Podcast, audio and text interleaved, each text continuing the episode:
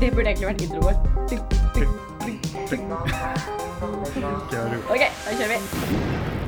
Hej och välkommen till Vilken dag är din Domedag? En podcast om kapitalismen i det antropocen med Moa Hege Skarru från Attack Norge och världens bästa Jonas Algers från Manifest Tankesmie. Vilken fin introduktion. Å, bare hyggelig. Jeg Ja. er fortsatt veldig glad for at du, du er her. Nyter hvert eneste lille sekund vi har igjen sammen nå, Jonas. Det här är veckans höjdpunkt, helt klart. Og vi blir eh, I dag er vi i konfirmasjonsalder. Dette her er den 15. episoden av eh, podkasten vår. Riktigt, Ja. riktigt. Gratulerer, nå er vi voksne. Ja, I. I regi av Norsk kirke. Ja, men jag tycker det har gått fort. Jag fattar inte hur det har blivit eh, 15 episoder eh, liksom. Men eh, det känns bra. Ja. Og så- så kan- for alle de som fortsatt gidder du hörde på oss. Tack. Ja, tack. Tack för att ni fortsatt är här med oss. Eh, ja, vi får ju lägga till de uh, testepisoderna som vi aldrig har delt också. Det är ju fem stycken nu. Så egentligen har vi gjort 20 upptag kanske. Vi kan, vi kan ha en sånn Yes. Vet du hva, det vi, Jeg tror vi burde gjøre det en gang. Vi må høre på de og kommentere på de selv. Litt sånn som eh, Katja og Trixie gjør når de eh, går igjen og ser på seg selv. Ja. Bare sånn Oh my god, what was I wearing? Fin RuPaul-referens. Ja. Väldigt bra. Bare hyggelig. Bare hyggelig. Det er jo tross alt konfirmasjonsdagen vår. Jonas, hva har du gjort denne uka? Oi, Mm. så midt i kaffesluken. Kaffe. Ja, ehm, vad har jag gjort den här veckan? Du, jag har gjort så mycket som jag köpte en eh, Neil Gaimans bok om Norse mythology eh, och läst. jag ser, ser mina ögon här. Jag Eh, ska- har läst så här nordisk mytologi och ja, det är så jävla nördigt. Jag vet, jag känner. Men det var fint. Jag vet inte varför. Jag fick bara lust till det liksom. Jeg blir til stadig imponert over nivået av nerd du lever. Ja. Eh, Det er beundringsverdig. Ja, tack. Eh, men eh, det var, jag vet inte om jag ska försöka skvisa in det som det är relevant för episoden då, så var det ganska intressant med så här typ hur mycket, hur mycket liksom naturen är viktig i Ragnarök och domedag och jordens begynnelse och allt sånt där. Och ja. Velkommen til Jonas Algers lesesirkel. Ja, det ska vi ta i en annan episod. Hur, vad, vad har du gjort, Hege, denna vecka? Du, I går så var jeg på et veldig spennende seminar om norsk oppgjør mot teknologigigantene. Men Fett. det skal vi snakke litt mer om neste uke, tenkte jeg. Okej, väldigt Så litt- on-brand. Ja, ja, det er veldig on-brand. Å nei, du brancher ut og gjør ting som bare Ikke sant? Spennende. Mens jeg bare holder meg on-brand. Det det er en utfordring for meg. Mm, ja, man kan, så kan man också framea det. Ja. Jag vet inte om våra lyssnare är eniga i det, men eh, vi får se. Vi får se. Vi eh, om eh, oljepolitikk og klassekamp i dag. Litt sånn eh, bredt eh, forma der sånn. Men først så skal vi bare se på en eh, liten smakebit på en liten eh, Nok et eksempel på at verden går straka veien mot dommedag. For eh, la oss ikke glemme at vi sitter midt i en ganska ganske heftig eh, krig, og Ukraina i denne krigens hete, så er det jo veldig mange, som vi har snakket om før, eh, som nå ønsker å gjøre seg uavhengig av russisk olje og gass. Storbritannia er intet unntak, men det har da ført til at Boris Johnson må ta reisekofferten sin fatt og ta seg en liten tur ned til Saudi-Arabia, eh, landet som nettopp da massehenretta 81 menn. For han må jo finne olje og gass et annet sted. Det är fint att det finns så här etiska producenter som man kan vända sig till när Ryssland eh, inte längre är eh, våra vänner. Ah, takk Gud for Saudi-Arabia. Ja, Ja. Verkligen, de kan eh, lifesaver. Mm. Not intended. eh, gud vad mörkt. Eh, Ja. vad, vet du vad de hade gjort, de här 81 männen då, för att förtjäna det här straffet? Det er nok litt eh, diverse ting som eh, jeg tror jeg Jeg har rett og slett ikke satt og Kanskje lest ikke er så hver viktig om- i og for seg. Nei, det var vel kanskje bare det at vi det massehenrettes veldig mange lenger. Ja. Vi lever i det 21. århundret. Ja, det är fint att vi har sådana härliga fina alternativ. Men då har ju Norge då, inte sant? Mm. Vi har ju so liksom, socialt eh, ansvarlig eh, eh, petroleum, har vi inte? Ja, det er, det er jo det vi liker å tro. Ja. Eh, og det er jo derfor jeg gleder meg veldig mye til denne her episoden. Både den eh, diskusjonen der, men også eh, Jeg gleder meg mye fordi endelig skal jeg få svar på det veldig store spørsmålet. Hva pokkeren er det egentlig du bruker arbeidsdagen din på? Eh, fordi vi snakker mye sammen, men jeg tror egentlig ingen av oss veit helt hva vi gjør i løpet Nej. av en dag. Eh, häng på Twitter 90% av tiden. Eh, svara på mail 5% av tiden. Och, jag vet inte. Eh, ja, Send, sender dårlige linker til ting til meg. Ja, exakt. Sånn, ja. mm. exakt. Det här borde vi snacka om i nästa episod.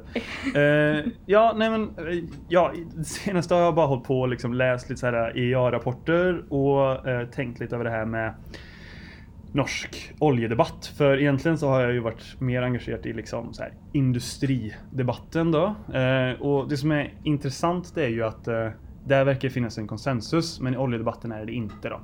Eh, ja, så den här, min cocktail som jag tänkte servera denna veckan, den handlar alltså om att det är nya tider i energimarknaderna. Det är oljepolitik för, vad som är oljepolitik för industriutveckling och lite klassekamp också. Ah, deilig.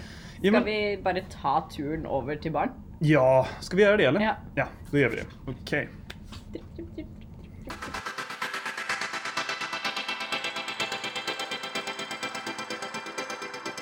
Jag har tänkt på det här. Som sagt. Vi börjar se en konsensus som formateras eh, ehm, om grön industri. Vi har ju sett eh, eh, LO, NHO och delar av miljöbevägelsen som erkänner att det här med grön industri, det är kämpeviktigt. Eh, vi har Väster som säger att Norge kan bli en grön industrigigant. Undrar var han fick det ifrån. Litt, var, var det noen som skrev en rapport om det? Var det de ja, jag vet inte. Jag vet inte. Vi, vi, ja. Eh, For dere som ikke vet, så var det Jonas. Ja, eh, tack för att du snikskryter åt mig.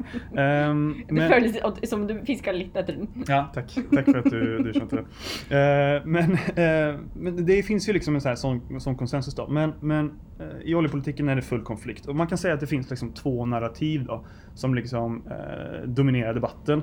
Det ena är det som man kan kalla för liksom ett så här klimamoralistiskt eh, narrativ. Och jag menar inte det som så här, det är dåligt för det är moralistiskt utan det fokuserar på det etiska problemet i att okej, Norge har blivit sökrikt på att producera koldioxid. Eh, och det är ganska intressant. Norge är ju världens näst största eh, oljeproducent per capita i världen, bara efter Kuwait som är nummer ett. Uh, Equinor är ju det 37 största utsläpparen i mänsklighetens historia som institution.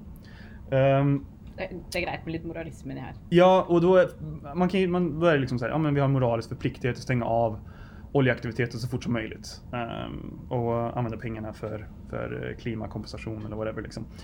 Uh, och, och det står ju mot det andra narrativet då, som är vad man kallar för ett oljeindustriellt. Jo men hallå, oljesektorn. Och det, de är också helt riktiga poänger att oljesektorn är helt central i norsk ekonomi. Det är nästan 60 procent av varuexporten som utgörs av olje, gas och leverandörindustri.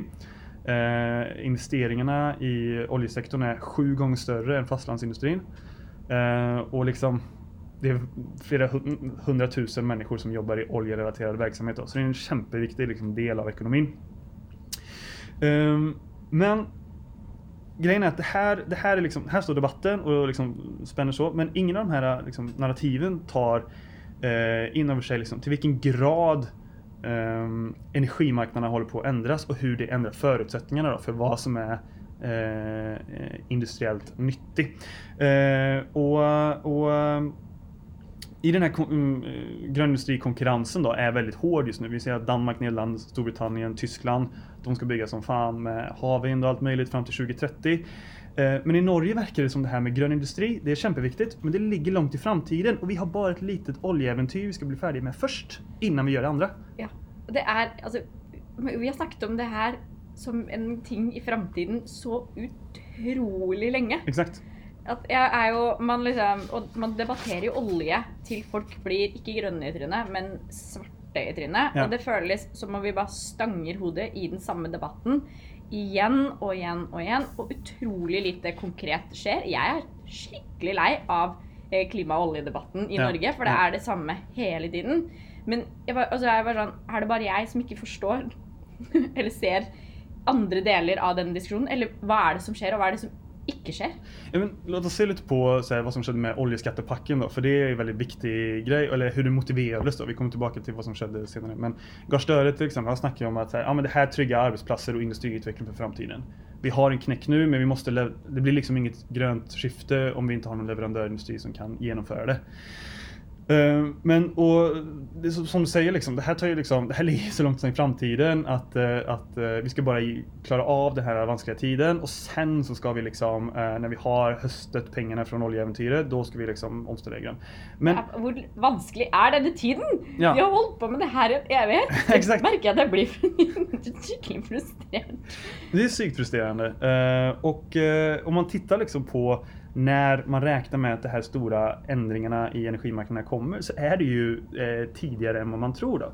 Så jag tittar lite på eh, IEA, eh, Energi, Internationella energibyråns framskrivningar. De kom ju med en rapport som heter eh, World Energy Outlook eh, i höstas. Och det gör de varje år. Och då menar de i den här eh, senaste rapporten att peak oil, eh, när eh, oljekonsumtionen är som störst, det kommer på 30-talet. Eh, Och sen så sammanlignar man deras framskrivningar på gasefterspörseln med 2021 med vad det var i 2020 så är de kraftigt reducerat. Alltså på ett år har man så här, eh, har politiken ändrat så mycket att man menar att okej, det kommer vara mycket mindre efterspörsel av gas i framtiden än vad det var tidigare. Och, eh, och eh, sen har man gjort så här att man också har andra scenarier då som man räknar med. Så det här är med liksom existerande politik. Men om man har det som man kallar för announced pledges, det vill säga att vi ska ändra vår politik så vi reducerar efterspörseln av olja och gas. Då kommer den här peak oil och peak gas redan på 2020-talet, det vill säga de kommande åtta åren. Uh, och sen har de ett tredje scenario då som är liksom mer osannolikt men det är det de kallar för net zero emissions som handlar om vad ska till för att världen ska reducera utsläppen Ehm, eh, så, att de, så att världens temperaturökning håller sig inom en och en halv grad.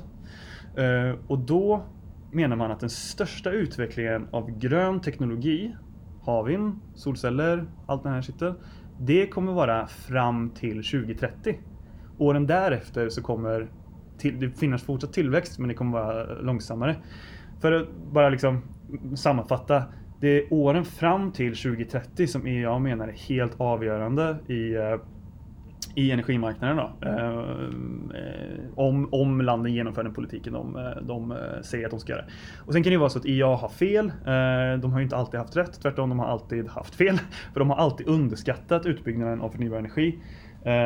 I 2020 så byggde Ki- eh, 2021 byggde Kina dubbelt så mycket havvind som IEA eh, räknade med att de skulle göra i december 2021. Då. Så, så eh, de har liksom en sån här konservativ bias då, att de, att de undervärderar omställningen. Um, och I en sån här situation så är frågan då, vad är det som är ekonomiskt strategiskt? Uh, och det finns en psykt intressant studie som tittar på forskellen mellan land som Norge, som är högkostnadsproducenter, och OPEC-landen. Uh, och OPEC-landen de kan ju pressa sina kostnader psykt mycket. Så när världen ska, är på väg att liksom reducera efterspörseln, då eh, tjänar de mest på att bara öka produktionen, och reducera priserna. Och land som Norge då blir tapare. Liksom. Eh, Så därför är vi nu i en ny situation där det kanske börjar bli strategiskt att så här, vi måste faktiskt omställa oss för vi måste bygga en annan industri för annars så finns det liksom inga andra industrier att, eh, att ta av. Då. där kommer den gröna giganten in. Här kommer den gröna giganten in eh, och man borde ha en sån här politik som bara nu kör vi, nu gas, eh, gassar vi på på, eh, på det. Men vad är det som har skett då? Jo, vi har haft Corona och vi har haft oljeskattepacken.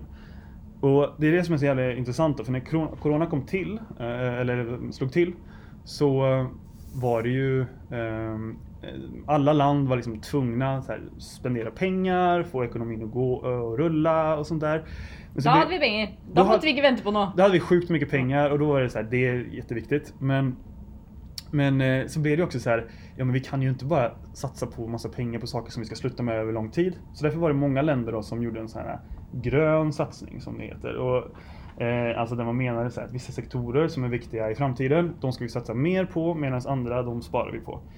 Eh, men inte Norge då, därför att oljesektorn är en så stor del av ekonomin, så skulle man rädda den överhuvudtaget, då måste man liksom stötta det och då hade man oljeskattepacken. Eh, och det här har ju liksom utlöst då en eh, investeringsboom. Det är ganska intressant, man läser i så businesspressen liksom. Så har ju eh, Aker BP-chefen sa att man kommer investera mer än, det är alltså Akers så här, oljesällskap. Man kommer investera mer än man någonsin har gjort förut i olje och gasutvinning fram till 2028. Eh, och antalet oljefält i Norge kommer gå från 90 som är nuvarande antalet oljefält till 130. Eh, och Rystad Energy då, det här energianalyssällskapet vi snackade om förra veckan. Eh, de menar att 2023 kommer så här, god marginal bli det absolut största rekordåret på norsk aktiviteter på norsk sockel. Och här i sammanhanget då så kom ihåg vad EA snackar om. De avgörande åren för grön industri är åren fram till 2030. Det är precis de här åren som det kommer vara max aktivitet på norsk sockel. Eh, och det är lite av ett paradox. Ja, det er, det er jo som du sa i stad, at det er på skuldrene av olje- og gassindustrien så skal vi skape denne grønne giganten.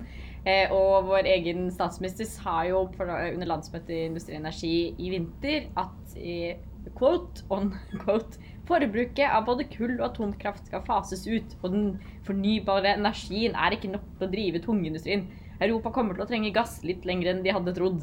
Gass kan også brukes til å produsere hydrogen som blir utslippsfri med karbonfangst og -lagring. Alt dette kan Norge bidra med, og derfor skal vi utvikle, ikke avvikle olje- og gassindustrien. Ja. Eh, og det siste der er jo det er Arbeiderpartiet sitt slagord gjennom Ja. hele valgkampen som var i fjor eh, i sommer også. Men er det liksom Er det i det hele tatt mulig å både gasse på og olje på samtidig som vi skal bygge en grønn industri? Ja, men det, det är det här som är liksom the million dollar question. Liksom. Uh, vad är egentligen relationen mellan olje och gasindustrin och förnybarindustrin? För det är det som är snacket nu hela tiden att ja, men det är så bra därför att typ Uh, havvind eller hydrogen och sånt där. Det är så likt olje och gasindustrin så vi kan bara göra samma sak. Liksom. Uh, men det, så jag har sett lite på, på olika eh, innovationsforskare som tittat på det här liksom, sambandet mellan de två. Eh, och det är ju inte så att det bara är positivt att det är eh, ligger nära utan det är också sätter begränsningar då för liksom, hur den här gröna industrin kan utvecklas. Um, såklart är det ju positivt till exempel att man kanske har värft i Norge. Det är ditbra, då kan man bruka dem till någonting annat. Eh, men men eh, eh, det finns också problem när sällskapen Eh, ska välja, okej, ska vi investera i att utveckla den här grejen, eh, den här eh, olje och gasprojektet, eller havvind? Eh, och då läste jag en rapport som citerade några så här, eh, ledare i offshorebedrifter. Eh, och då var det en som sa att så här, ah, men ska vi Ska vi satsa på, ehm, vi står ju här och väljer liksom, ska vi satsa på något som vi kan från för, eh, något som vi kan tjäna väldigt goda pengar på, det vill säga olja och gas, eller ska vi ta någonting annat som är lite usikkert som vi inte kan? Tough choice liksom. Eh, och sen så var det någon annan som sa att eh, jo, men om, det, om man finner ett så här stort fält i eh, norr om Finnmark, då är det såklart att industrin kommer vända sig mot det istället för att utveckla havvind. Det här handlar specifikt om havvind. Ehm, och en annan sa att ja, men det är begränsade resurser innan offshore. Eh, leverantörerna tränger ett push för att utveckla havvind. Den här, den här rapporten handlar precis om havvind, men det finns mycket andra olika gröna industrier. Eh, och det är så jävla intressant. Eh, och det, det trista är bara att den här rapporten skrevs 2010. Mm, så en, ann- så en här fjärde person sa, eh, så vi har ett vindu mellan nå och 2014 Ja. för att liksom så här klara av detta. Jeg tror jag vi har flere vinduer igjen, jeg. Nej, alltså spörsmålet är ju så här, finns det några vinduer kvar då, liksom? Så, att, så att det här med att Norge ska bygga allt som finns i en sån havvind, det är kanske ganska osannolikt nu. Men några komponenter är säkert, säkert sant. Och sen såg jag en annan rapport som var sykt intressant som heter Green Flings, eh, som är skriven av några universitet i Oslo eh, forskare.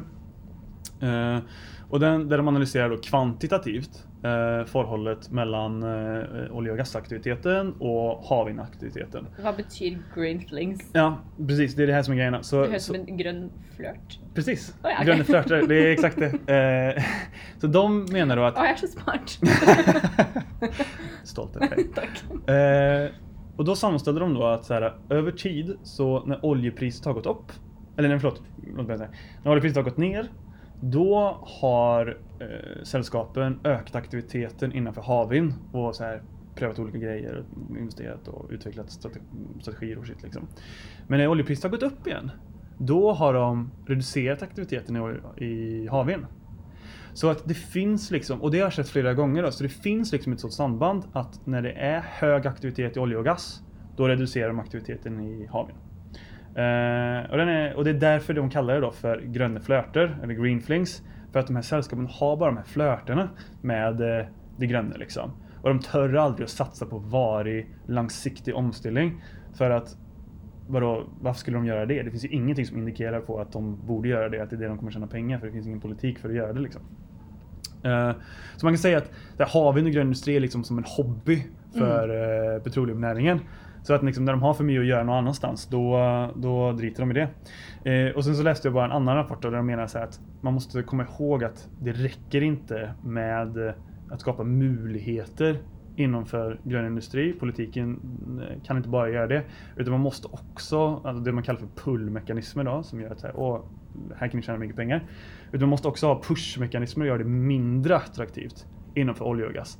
Om man vill bygga grön industri i framtiden. Push and pull, det er sånn her dårlig dating eh, relasjonsanalyser. det er det det her er. Ja, exakt. Det är liksom eh, det, det är som en vän du har, exakt, som har en dålig kärste och som man bara så här, kom igen, dump her liksom. Och vi var ute i byn och det var tydligt att du ville någonting annat liksom. Men sen så bara klarar inte liksom. Nej men vi hade det trevligt liksom. Och där är det bara så här, okej, den här personen måste, Det er bare toxic. ja det är bara Det er toxic. bare toxic, som Greta Thunberg sa. Ja. No, Så- no more toxic fuels, only toxic by Britney. Eller noe. Så Greta Thunberg det? Jeg tror det. jeg, vet, jeg tror ikke hun sa det. Men det så Det kunne vært manipulert. Jeg så, Ja, men- jeg så henne holde et enig, skilt liksom. på sosiale medier. Ja, enig. Men det är Jeg vil at Greta Thunberg skal ha det skiltet. Bra slagord. Ja, jag hoppas det. Men så liksom konklusionen är att eh, ju mer upptagen eh, industrin är med olja och gas, desto mindre eh, utvecklas grön industri. Så där det absolut stämmer då att liksom, om leverantörindustrin går under, om den hade gjort det under coronakrisen, ja då är det klart att det inte är någon som kan bygga grön industri liksom. Men samtidigt så betyder det inte det att ja, man kan tuta och köra mer än man någonsin har gjort förut i olja och gas och Mm. tro att det ska leda till ett grönt skifte. Vi har inte tid till det. Och det är precis det som politiken gör nu. Och i huvudavsplattformen står det att man ska se till att man har en hög aktivitet på norsk sockel. Eh, och jag bara lurar på, okej hur ska det gå för Västre då liksom? Alltså stackars Västre, jag tycker synd om honom. Han hadde satt seg skikkelig i bar, liksom. Men eh, det, det ikke, det er ikke akkurat et tidenes sjokk eh, at med liksom, eh, markedssvingninger i investeringer i olje og gass, sånn som vi ser nå, eh, så vil det også være behov for mer arbeid der. Man liksom mister arbeidskraft, muligheten til å finne Ja. arbeidskraft på grunn av investeringene osv. Så, Ja. videre.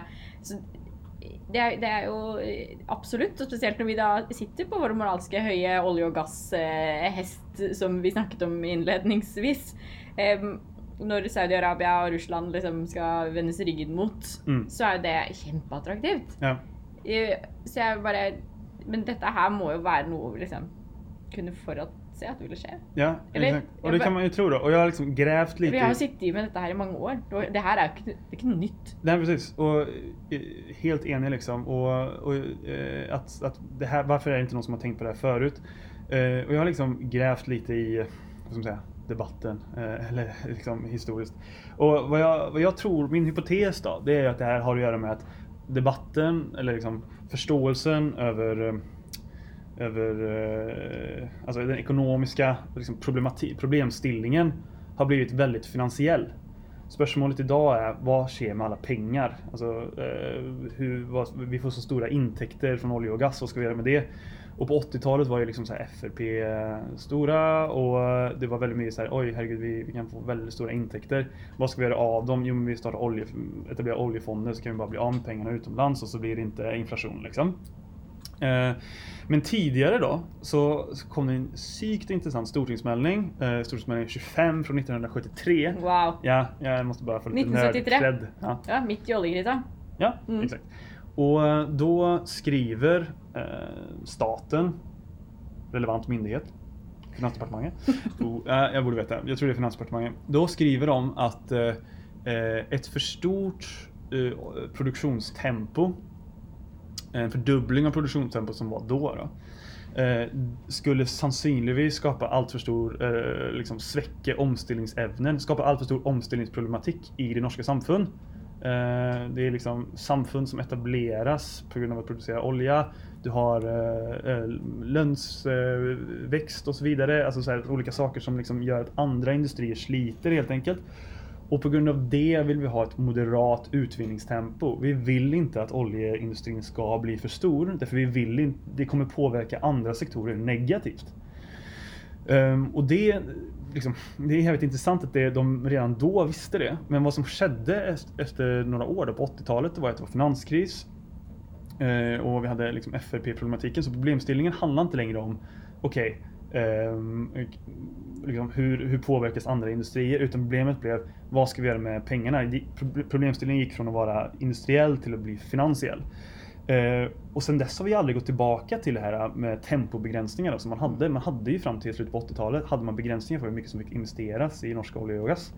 Eh, och det har man inte längre. Och nu har ju aktiviteten exploderat eh, fram till idag. Och nu kommer den explodera ännu mer.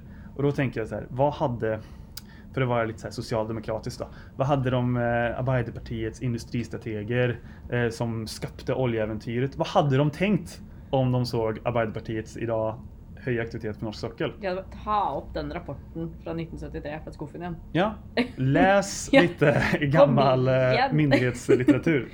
alltså vi, det, är liksom, det är bara tut och kör för vi ska hämta in pengar för att kunna investera i en grönare ekonomi. Men eh, er, vi ser på liksom norsk statsbudsjett som om en student som lever från hånd till mun ja. hela tiden. Og det er jo ikke sant. Nei, exakt, det I det hele tatt. Og vi, bare, vi har ikke råd til å gjennomføre et grønt skifte med mindre vi liksom pumper ut den siste lille greia. At kanskje Det er sånn et barn i en bakebutikk at det er sånn, ok, her får du en brødskive med brunost, det er litt bedre enn at du spiser 15 kanelboller. Men når de kanelbollene bare ligger der, så klarer du liksom ikke Fristelsen blir for stor, da. Ja. Så man bare hopper ut. Nå sa jeg kanelbolle, så fikk jeg vann i munnen. men det er, jo, det er jo ikke riktig. Kan ikke du bare Hvorfor? Ja, men vad, vad sker? Orker ikke. Eller vad, vad är spørsmålet? Jeg bare, jeg, bare forklar litt mer om hvorfor er det sånn at man tror at liksom Att det trängs pengar, att vi ja. tränger oljepengar för att kunna göra detta liksom. Ja. Ja. Men det, eh, det, det är det som är jävligt intressant då. Alltså så här, eh, SV hade ju för några månader sedan förslag om eh, eh produktionsavgift då. Som skulle, man skulle skattlägga oljesektorn lite och så skulle man bruka pengarna till investeringar i grön industri. Uh, och då svarade Frode Alfheim med att... Uh, Nej, Frode Alfheim. Fro, Fro, bra. Frode Alfheim är förbundsledare i Industri och Energi. Uh, och han, han sa ju så här att jo men det här, uh, det är jättebra att SV vill investera i grön industri. Men Uh, han sa inte jättebra, han sa det är kämpebra att SV vill investera i grön industri. Och, uh, uh, men en sån produktionsavgift skulle sväcka de samma sällskapen så de inte kan investera i grön industri. Då. Så det finns liksom den här bilden av att jo, men vi, vi tränger att hösta profit för att kunna investera det, i, i grön industri. Och självsagt är det ju så att om du ska investera i, att här, utveckla en olönsam, per, per idag olönsam industri, då må du kunna finansiera det på en annan måte. Men låt oss se lite på hur det funkar i realiteten då. Med eh, statens flaggskepp Equinor då, som är liksom eh, Norges stolthet. Eh, ägs eh, till 67% av staten. Eh, och de har ju lanserat en strategi för omställningen de kommande åren. Eh, och den går ut på att man ska eh, investera 350 miljarder i utveckling av grön teknologi. Eh, men bara 100 miljarder ska de komma med själva. Ja, det sa jag. Var ska det resten komma ifrån då? 50 miljarder från staten. Men staten är ju aldrig 67 Ja precis, man kan ju säga att Equinor är en del av staten. Men det ska komma i form av subsidier då, över statsbudgeten. Liksom. Eh, och sen så ska du ha, resten ska komma från andra privata sällskap. Liksom. Eh, och det här är då strategin över 15 år. Liksom. Eh, men men eh, eh, vad de också i en annan strategi då, inte samma för då skulle man då skulle det bli för obvious tror jag. Eh, så har man också sagt att man ska bruka eh, mer än 10 miljarder i året på vad som kallas för aktietillbakaköp. Okej, okay. bear with me. Aktietillbakaköp, det är en finansiell spekulation helt enkelt. Du köper tillbaka dina egna aktier som då cancelleras, de finns inte längre. Och då finns det ju färre aktier ute på marknaden. Och då betyder det att att intjäningen, alltså Equinors profitström blir större per aktie och då går värdien på aktien upp. Jag kan bara förklara det en gång till. Så att, tänk, tänk dig liksom att så här, Equinor har eh, 100 aktier ute på marknaden och eh, då köper de tillbaka 5 och då finns det bara 95 aktier kvar på marknaden. Jag ser för mig som eh, Runar har ti epler. Ja, exakt. Runar har 10 Equinor-aktier. Ja. Nej vänta, nej det går inte. Ja, men, skitsamma. men, men helt, enkelt, det, du, du, du spekulerar i, eh, du reducerar antalet aktier och då ser det ut som att sällskapet per aktie går bättre. Eh, och då blir aktien mer attraktiv och då dopar du aktiekursen så att den ser lite fetare ut än vad den egentligen borde vara. Och det ska de bruka mer än 10 miljarder kronor i året på. Mm. Og eh, like mye som de skal bruke på eh, de 100 milliardene på grønn energi, skal de bruke på å eh, kjøpe opp sine egne aksjer over Nej, sånn ti år, da. mer Mer, det. För ja, det är sant. 15 år. Så det är 150 miljarder, mer än 150 miljarder de ska bruka på aktietillbakaköp. Och de ska bruka 100 miljarder i investeringar i grön industri. Och de här pengarna, var kommer de ifrån? Jo, från sällskapets eget kapital, så, så sagt. Liksom. Det kommer ifrån eh, deras profitström. Och bara i år, 2022, så ska de bruka 44 miljarder kronor på aktietillbakaköp. De bruker mer altså det, ok, så I essensen er jo dette De bruker mer på papirflytting enn de gjør på investeringer i grønn energi. Bare Exakt. liksom, Sånn at det er sagt så tydelig Ja. som overhodet mulig. Ja, det er helt spinnvilt. Det är helt sinnssykt. Ja. Så det betyder ju då att eh, orsaken till Blir grønn Equinor- gigant av det. Nej, det blir ingen jävla gigant till det. Och det betyder ju också att eh, orsaken att Equinor inte investerar grönt, det är inte brist på pengar. För de brukar pengar till någonting annat. Eh, ja, och jag tänker man kan sammanligna detta då, bara för att känna situationen med ett svenskt sällskap som heter LKAB. Och det är 100% statsägt. Eh, och de ska investera 400 miljarder i en omställningshydrogensatsning. Då. Och måten de finansierar det på, det är att betala det själva. Så då reducerar de då eh, kapitalet, alltså de investerar i det och då betyder det att det finns mindre profit att dela ut till ägarna. Och det ägarna är ju staten. Så jag, min hypotes då är att staten någon gång måste ha sagt det är grejt i ett sånt möte. Ni kan betala mindre utbyte till oss över 20 år och om ni gör den här satsningen. Eh, Medan Equinor kan inte göra det för de sitter på börsen och de måste se till att börsen går bra. Ehm, ja, så därför, därför är det ju liksom eh, pro- problema- problematiken handlar inte om eh, eh, Problemet är inte brist på kapital utan problemet är strategi och vilket syfte de här eh, sällskapen drivs av. Då. Kan spørre deg om noe? Mm. Dette har ikke jeg bedt deg om forberede deg på. Hvor liksom, mye penger har Equinor egentlig? Eller Ja, det är, ja, jeg bare Trenger de virkelig bare si nei, vi skal bare av egen lomme kun investere disse 100 milliardene, så skal vi kjøpe opp aksjer for 150 milliarder, og så da trenger vi 250 milliarder at noen andre kommer inn fra et annet sted? ja. Det er jo ikke nødvendig. De har vel de pengene sjøl? Ja, alltså jag vet faktiskt inte vad Equinor. Man värde, de värderar ju då Ja. värderingen av Equinor eh, som helhet. Men de får ju en sån De får ju en profitström hela tiden löpande, inte sant? Ehm, så, eh, men, eh, men vad jag däremot är rätt säker på det är att de investerar Ja, fuck. Uh, nu ska jag inte säga någonting för att det blir fel.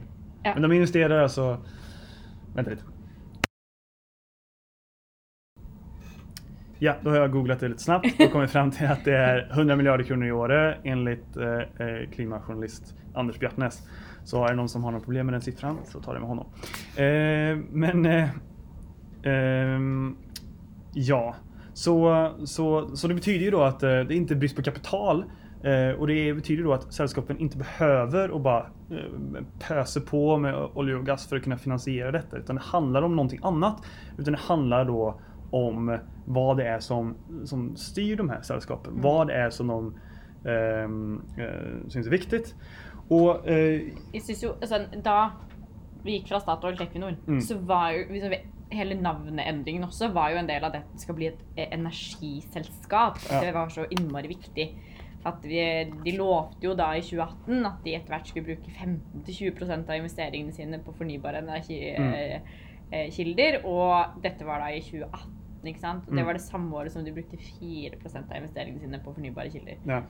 Ehm, og det, da husker jeg vi demonstrerte utenfor et Equinor-møte på Arendalsuka sammen med Greenpeace. Og var sånn Hallo, hva er det dere driver med? Eh, Ja. Dere kan ikke bare liksom grønnvaske dere selv med et kjempemerkelig, rart navn og Mm. øh, si at dere skal gjøre dette, og så gjør dere det ikke allikevel. Eh, og så er det noen ganger aktivisme ikke funker, da, for det var samme med 4% i 2020 også. Mm. Så jeg liksom ikke, de, de burde jo gå veldig mye raskere enn det her. De lover jo at det skal gjøres noe, og så gjør de ingenting. Og så ja, all verden skjer kanskje ikke på to år, men vi Al Gore i 2009 advarte jo ganske greit om dette her. Hvis, Ja. ikke liksom, hvis det er noen som en gjeng med hvite middel, og øvre middelklassemenn burde høre på, så er det vel Vel! for søren meg! Al Gore! Eh, Men det har man jo da ikke gjort. Nej. Vi- Heller inte på er. Det är helt sinnssykt att de inte ändrar strategin efter ni var ute och demonstrerade. Å, jeg ble så sliten i armene av å holde den der, det banneret. Men, men hva, liksom, hva viser jo alt det her? Ja, alltså det jag tror att som är på väg att ske då, det är ju att man kan Sällskapen, de styrs eh, baserat på maximera profit till investerarna, maximizing shareholder value ideology som man kallar det. Eh, så länge du maximerar värderingen till investerarna, då går sällskapet bra. Det är sån business, eh, alltså det, det, det, management-teori liksom. Och sådant går det med kapitalismen i det antropocen. Så går det med kapitalismen i antropocen. Och, men vad, vad som eh, riskerar att ske då, det är ju att man, man har en strategi som går ut på att nej men fan, vi ska inte investera i grön industri för då får vi för lite utbyte och då fuckas vår aktiekurs och alltihopa. Eh, utan istället så måste vi liksom hösta de här värdierna då. Vi måste se till att liksom fortsätta på den här inslagna rättningen och, och det är det. Eh, och för grejen är att om du äger aktier i Equinor, liksom, du kan ju alltid sälja det ut och investera någon annanstans. Och nu vet jag alla så här äh, finance bros som har läst äh, ett, ett av finance på universitetet, de säger upp, upp, upp, de, de säljer ju till eh, TAP då. Och det kan ju såklart vara sant. Men, men jag menar, poängen är ju att om du äger aktier över en viss tid, du får utbyte, du, eh, och så länge aktie, aktievärden går med plus då, så har du ändå gjort en gevinst inte sant? istället för ett tap. Eh, och, så de kan ju alltid dra, för att deras intäkt är mobil, de kan alltid liksom investera i olika ställen. Medan de som faktiskt jobbar liksom, i sällskapet och de som jobbar i sällskapen som levererar till Equinor, eh, som är leverantörindustrin då, de är ju inte i samma situation. För de måste ju ha en industri att jobba i i framtiden också. De kan inte bara dra, eller de kan Dere, ju ja, dra deres till... kapital er ikke like enkelt flyttbar. Nej, exakt. Alltså för att de är arbetare liksom. Det är där de får, de får eh, intäkt via lön. Då måste de ha ett arbete att utföra. Eh, och om det inte finns någon industri i framtiden därför att Norge har liksom varit passivt och byggt eh, olja och gas istället för att pröva att ta marknadsandelar innanför grön industri. Då kommer de bara fucka. Och sen så eh, kan man också ha en annan sån caveat liksom. Och det är det här med Ukraina-kriget då som vi har snackat om för det ändrar ju kanske lite på det här men, men, eh, eh, men eh, jag tror inte att det kommer ändra den fundamentala dynamiken utan tvärtom kanske göra det mer akut.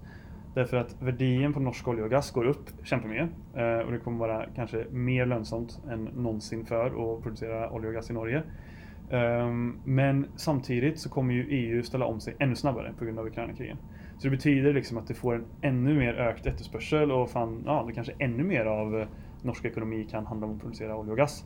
Ehm, men också den nedgången kommer gå eh, fortare. Det kommer komma eh, tidigare. För alla de här länderna nu ändrar sina strategier för omställning.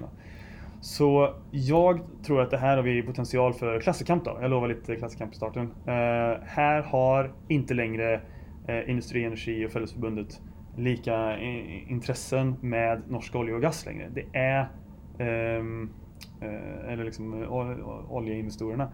Det är olika intressen och det betyder att vi kanske behöver liksom vi behöver en industristrategi som handlar om industri som sådan och inte eh, liksom eh, handlar om gamla sanningar om att tut och kör på olja och gas alltid är bra liksom, och alltid är strategiskt, för det är inte. Man har jo like interesser, Ja, rett og slett. olika intressen. Ja. Ja, ja, ja precis. Man har ju olika intressen för att man har eh, och så länge när världen inte ska omställa sig så kanske man har lika intressen för då är det så här, ja, vi kan bara tuta och köra och så Mm. får vi tjäna fett. Mm. Ja, men, men nu är det inte så längre. Så jag menar att den här liksom, när, liksom debatten måste gå ifrån det här klimamoralistiska och oljeindustriella till eh, något som liksom tänker, ja, tar in över sig en, eh, en värld i omställning då, att det betyder någonting helt annat. Liksom. Så det är min take. Så det, det er det du jobber med om dagen, Det är det jag jobbar med om dagen. Hvordan skape den eh, grønne giganten gjennom klassekamp. Exakt. Fett. Klassekamp för industribygging. Ah, gleder meg. Du, Alla? Marxist boys bara så här, vrider i huvudet och bara... "Øh." Men eh, ja, men jag tror det. Mm. Det her tar oss ganske greit inn i noe av det vi skal snakke om i ekkokammeret. Så jeg lurer på om vi bare sier takk for den, og så går vi inn i ek- ekkokammeret. Ja, men låt oss göra det. Ja. Ja, låt oss göra det.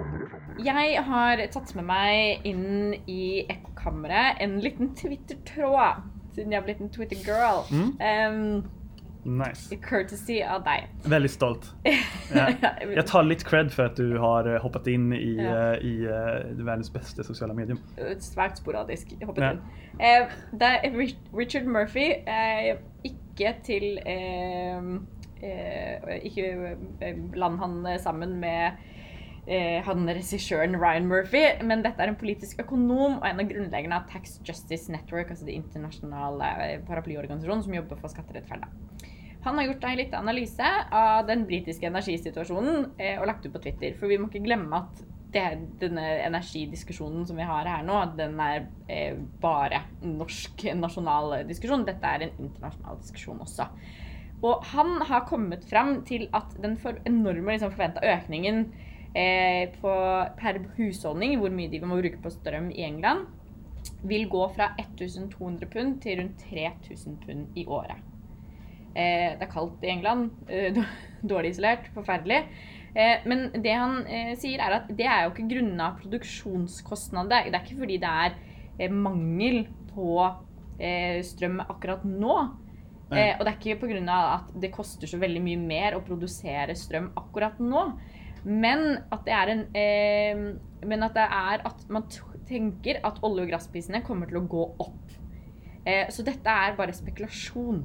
Det er selskapene og det er hedgefunds og andre spekulatører som har en forventning om at en mangel kan komme. Og det har jo ikke skjedd ennå.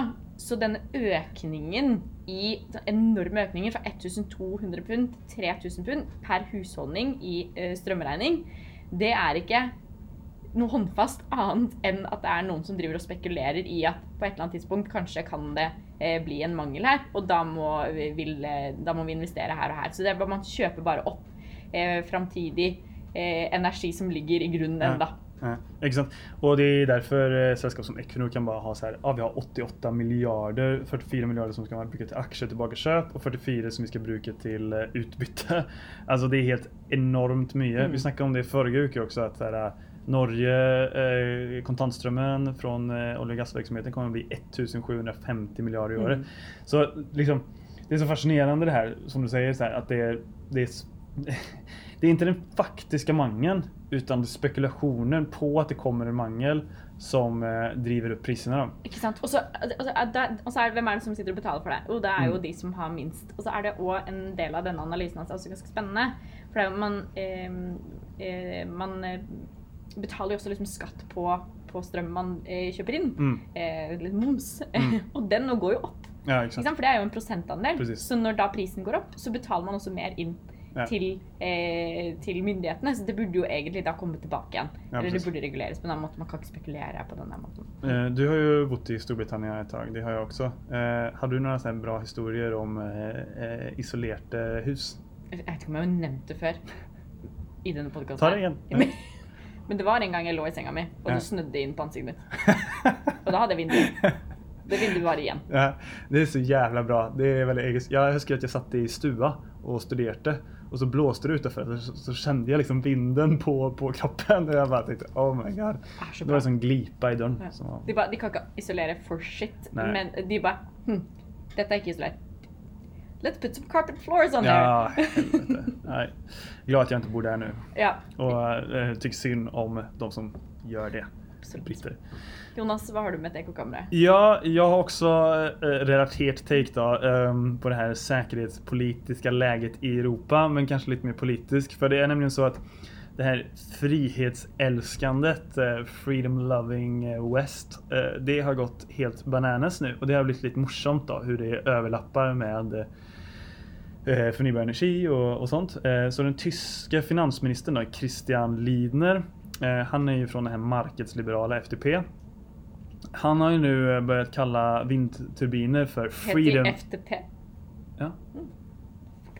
Ja, Ja, exakt. Ja. Nej men det är så här, Freie FPD kanske. Eh, nej.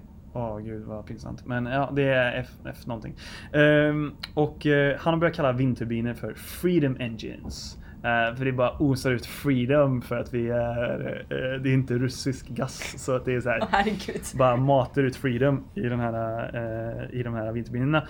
Och också den brittiske näringsministern Kwasi Kwarteng, han säger nu att energipolitik handlar om att försvara brittisk clean energy independence. Så att det är liksom så här ja, eh, blandar ihop det här med självständighet och förnybar energi och så. Och eh, jag tänker lite på när eh, USA invaderade Irak.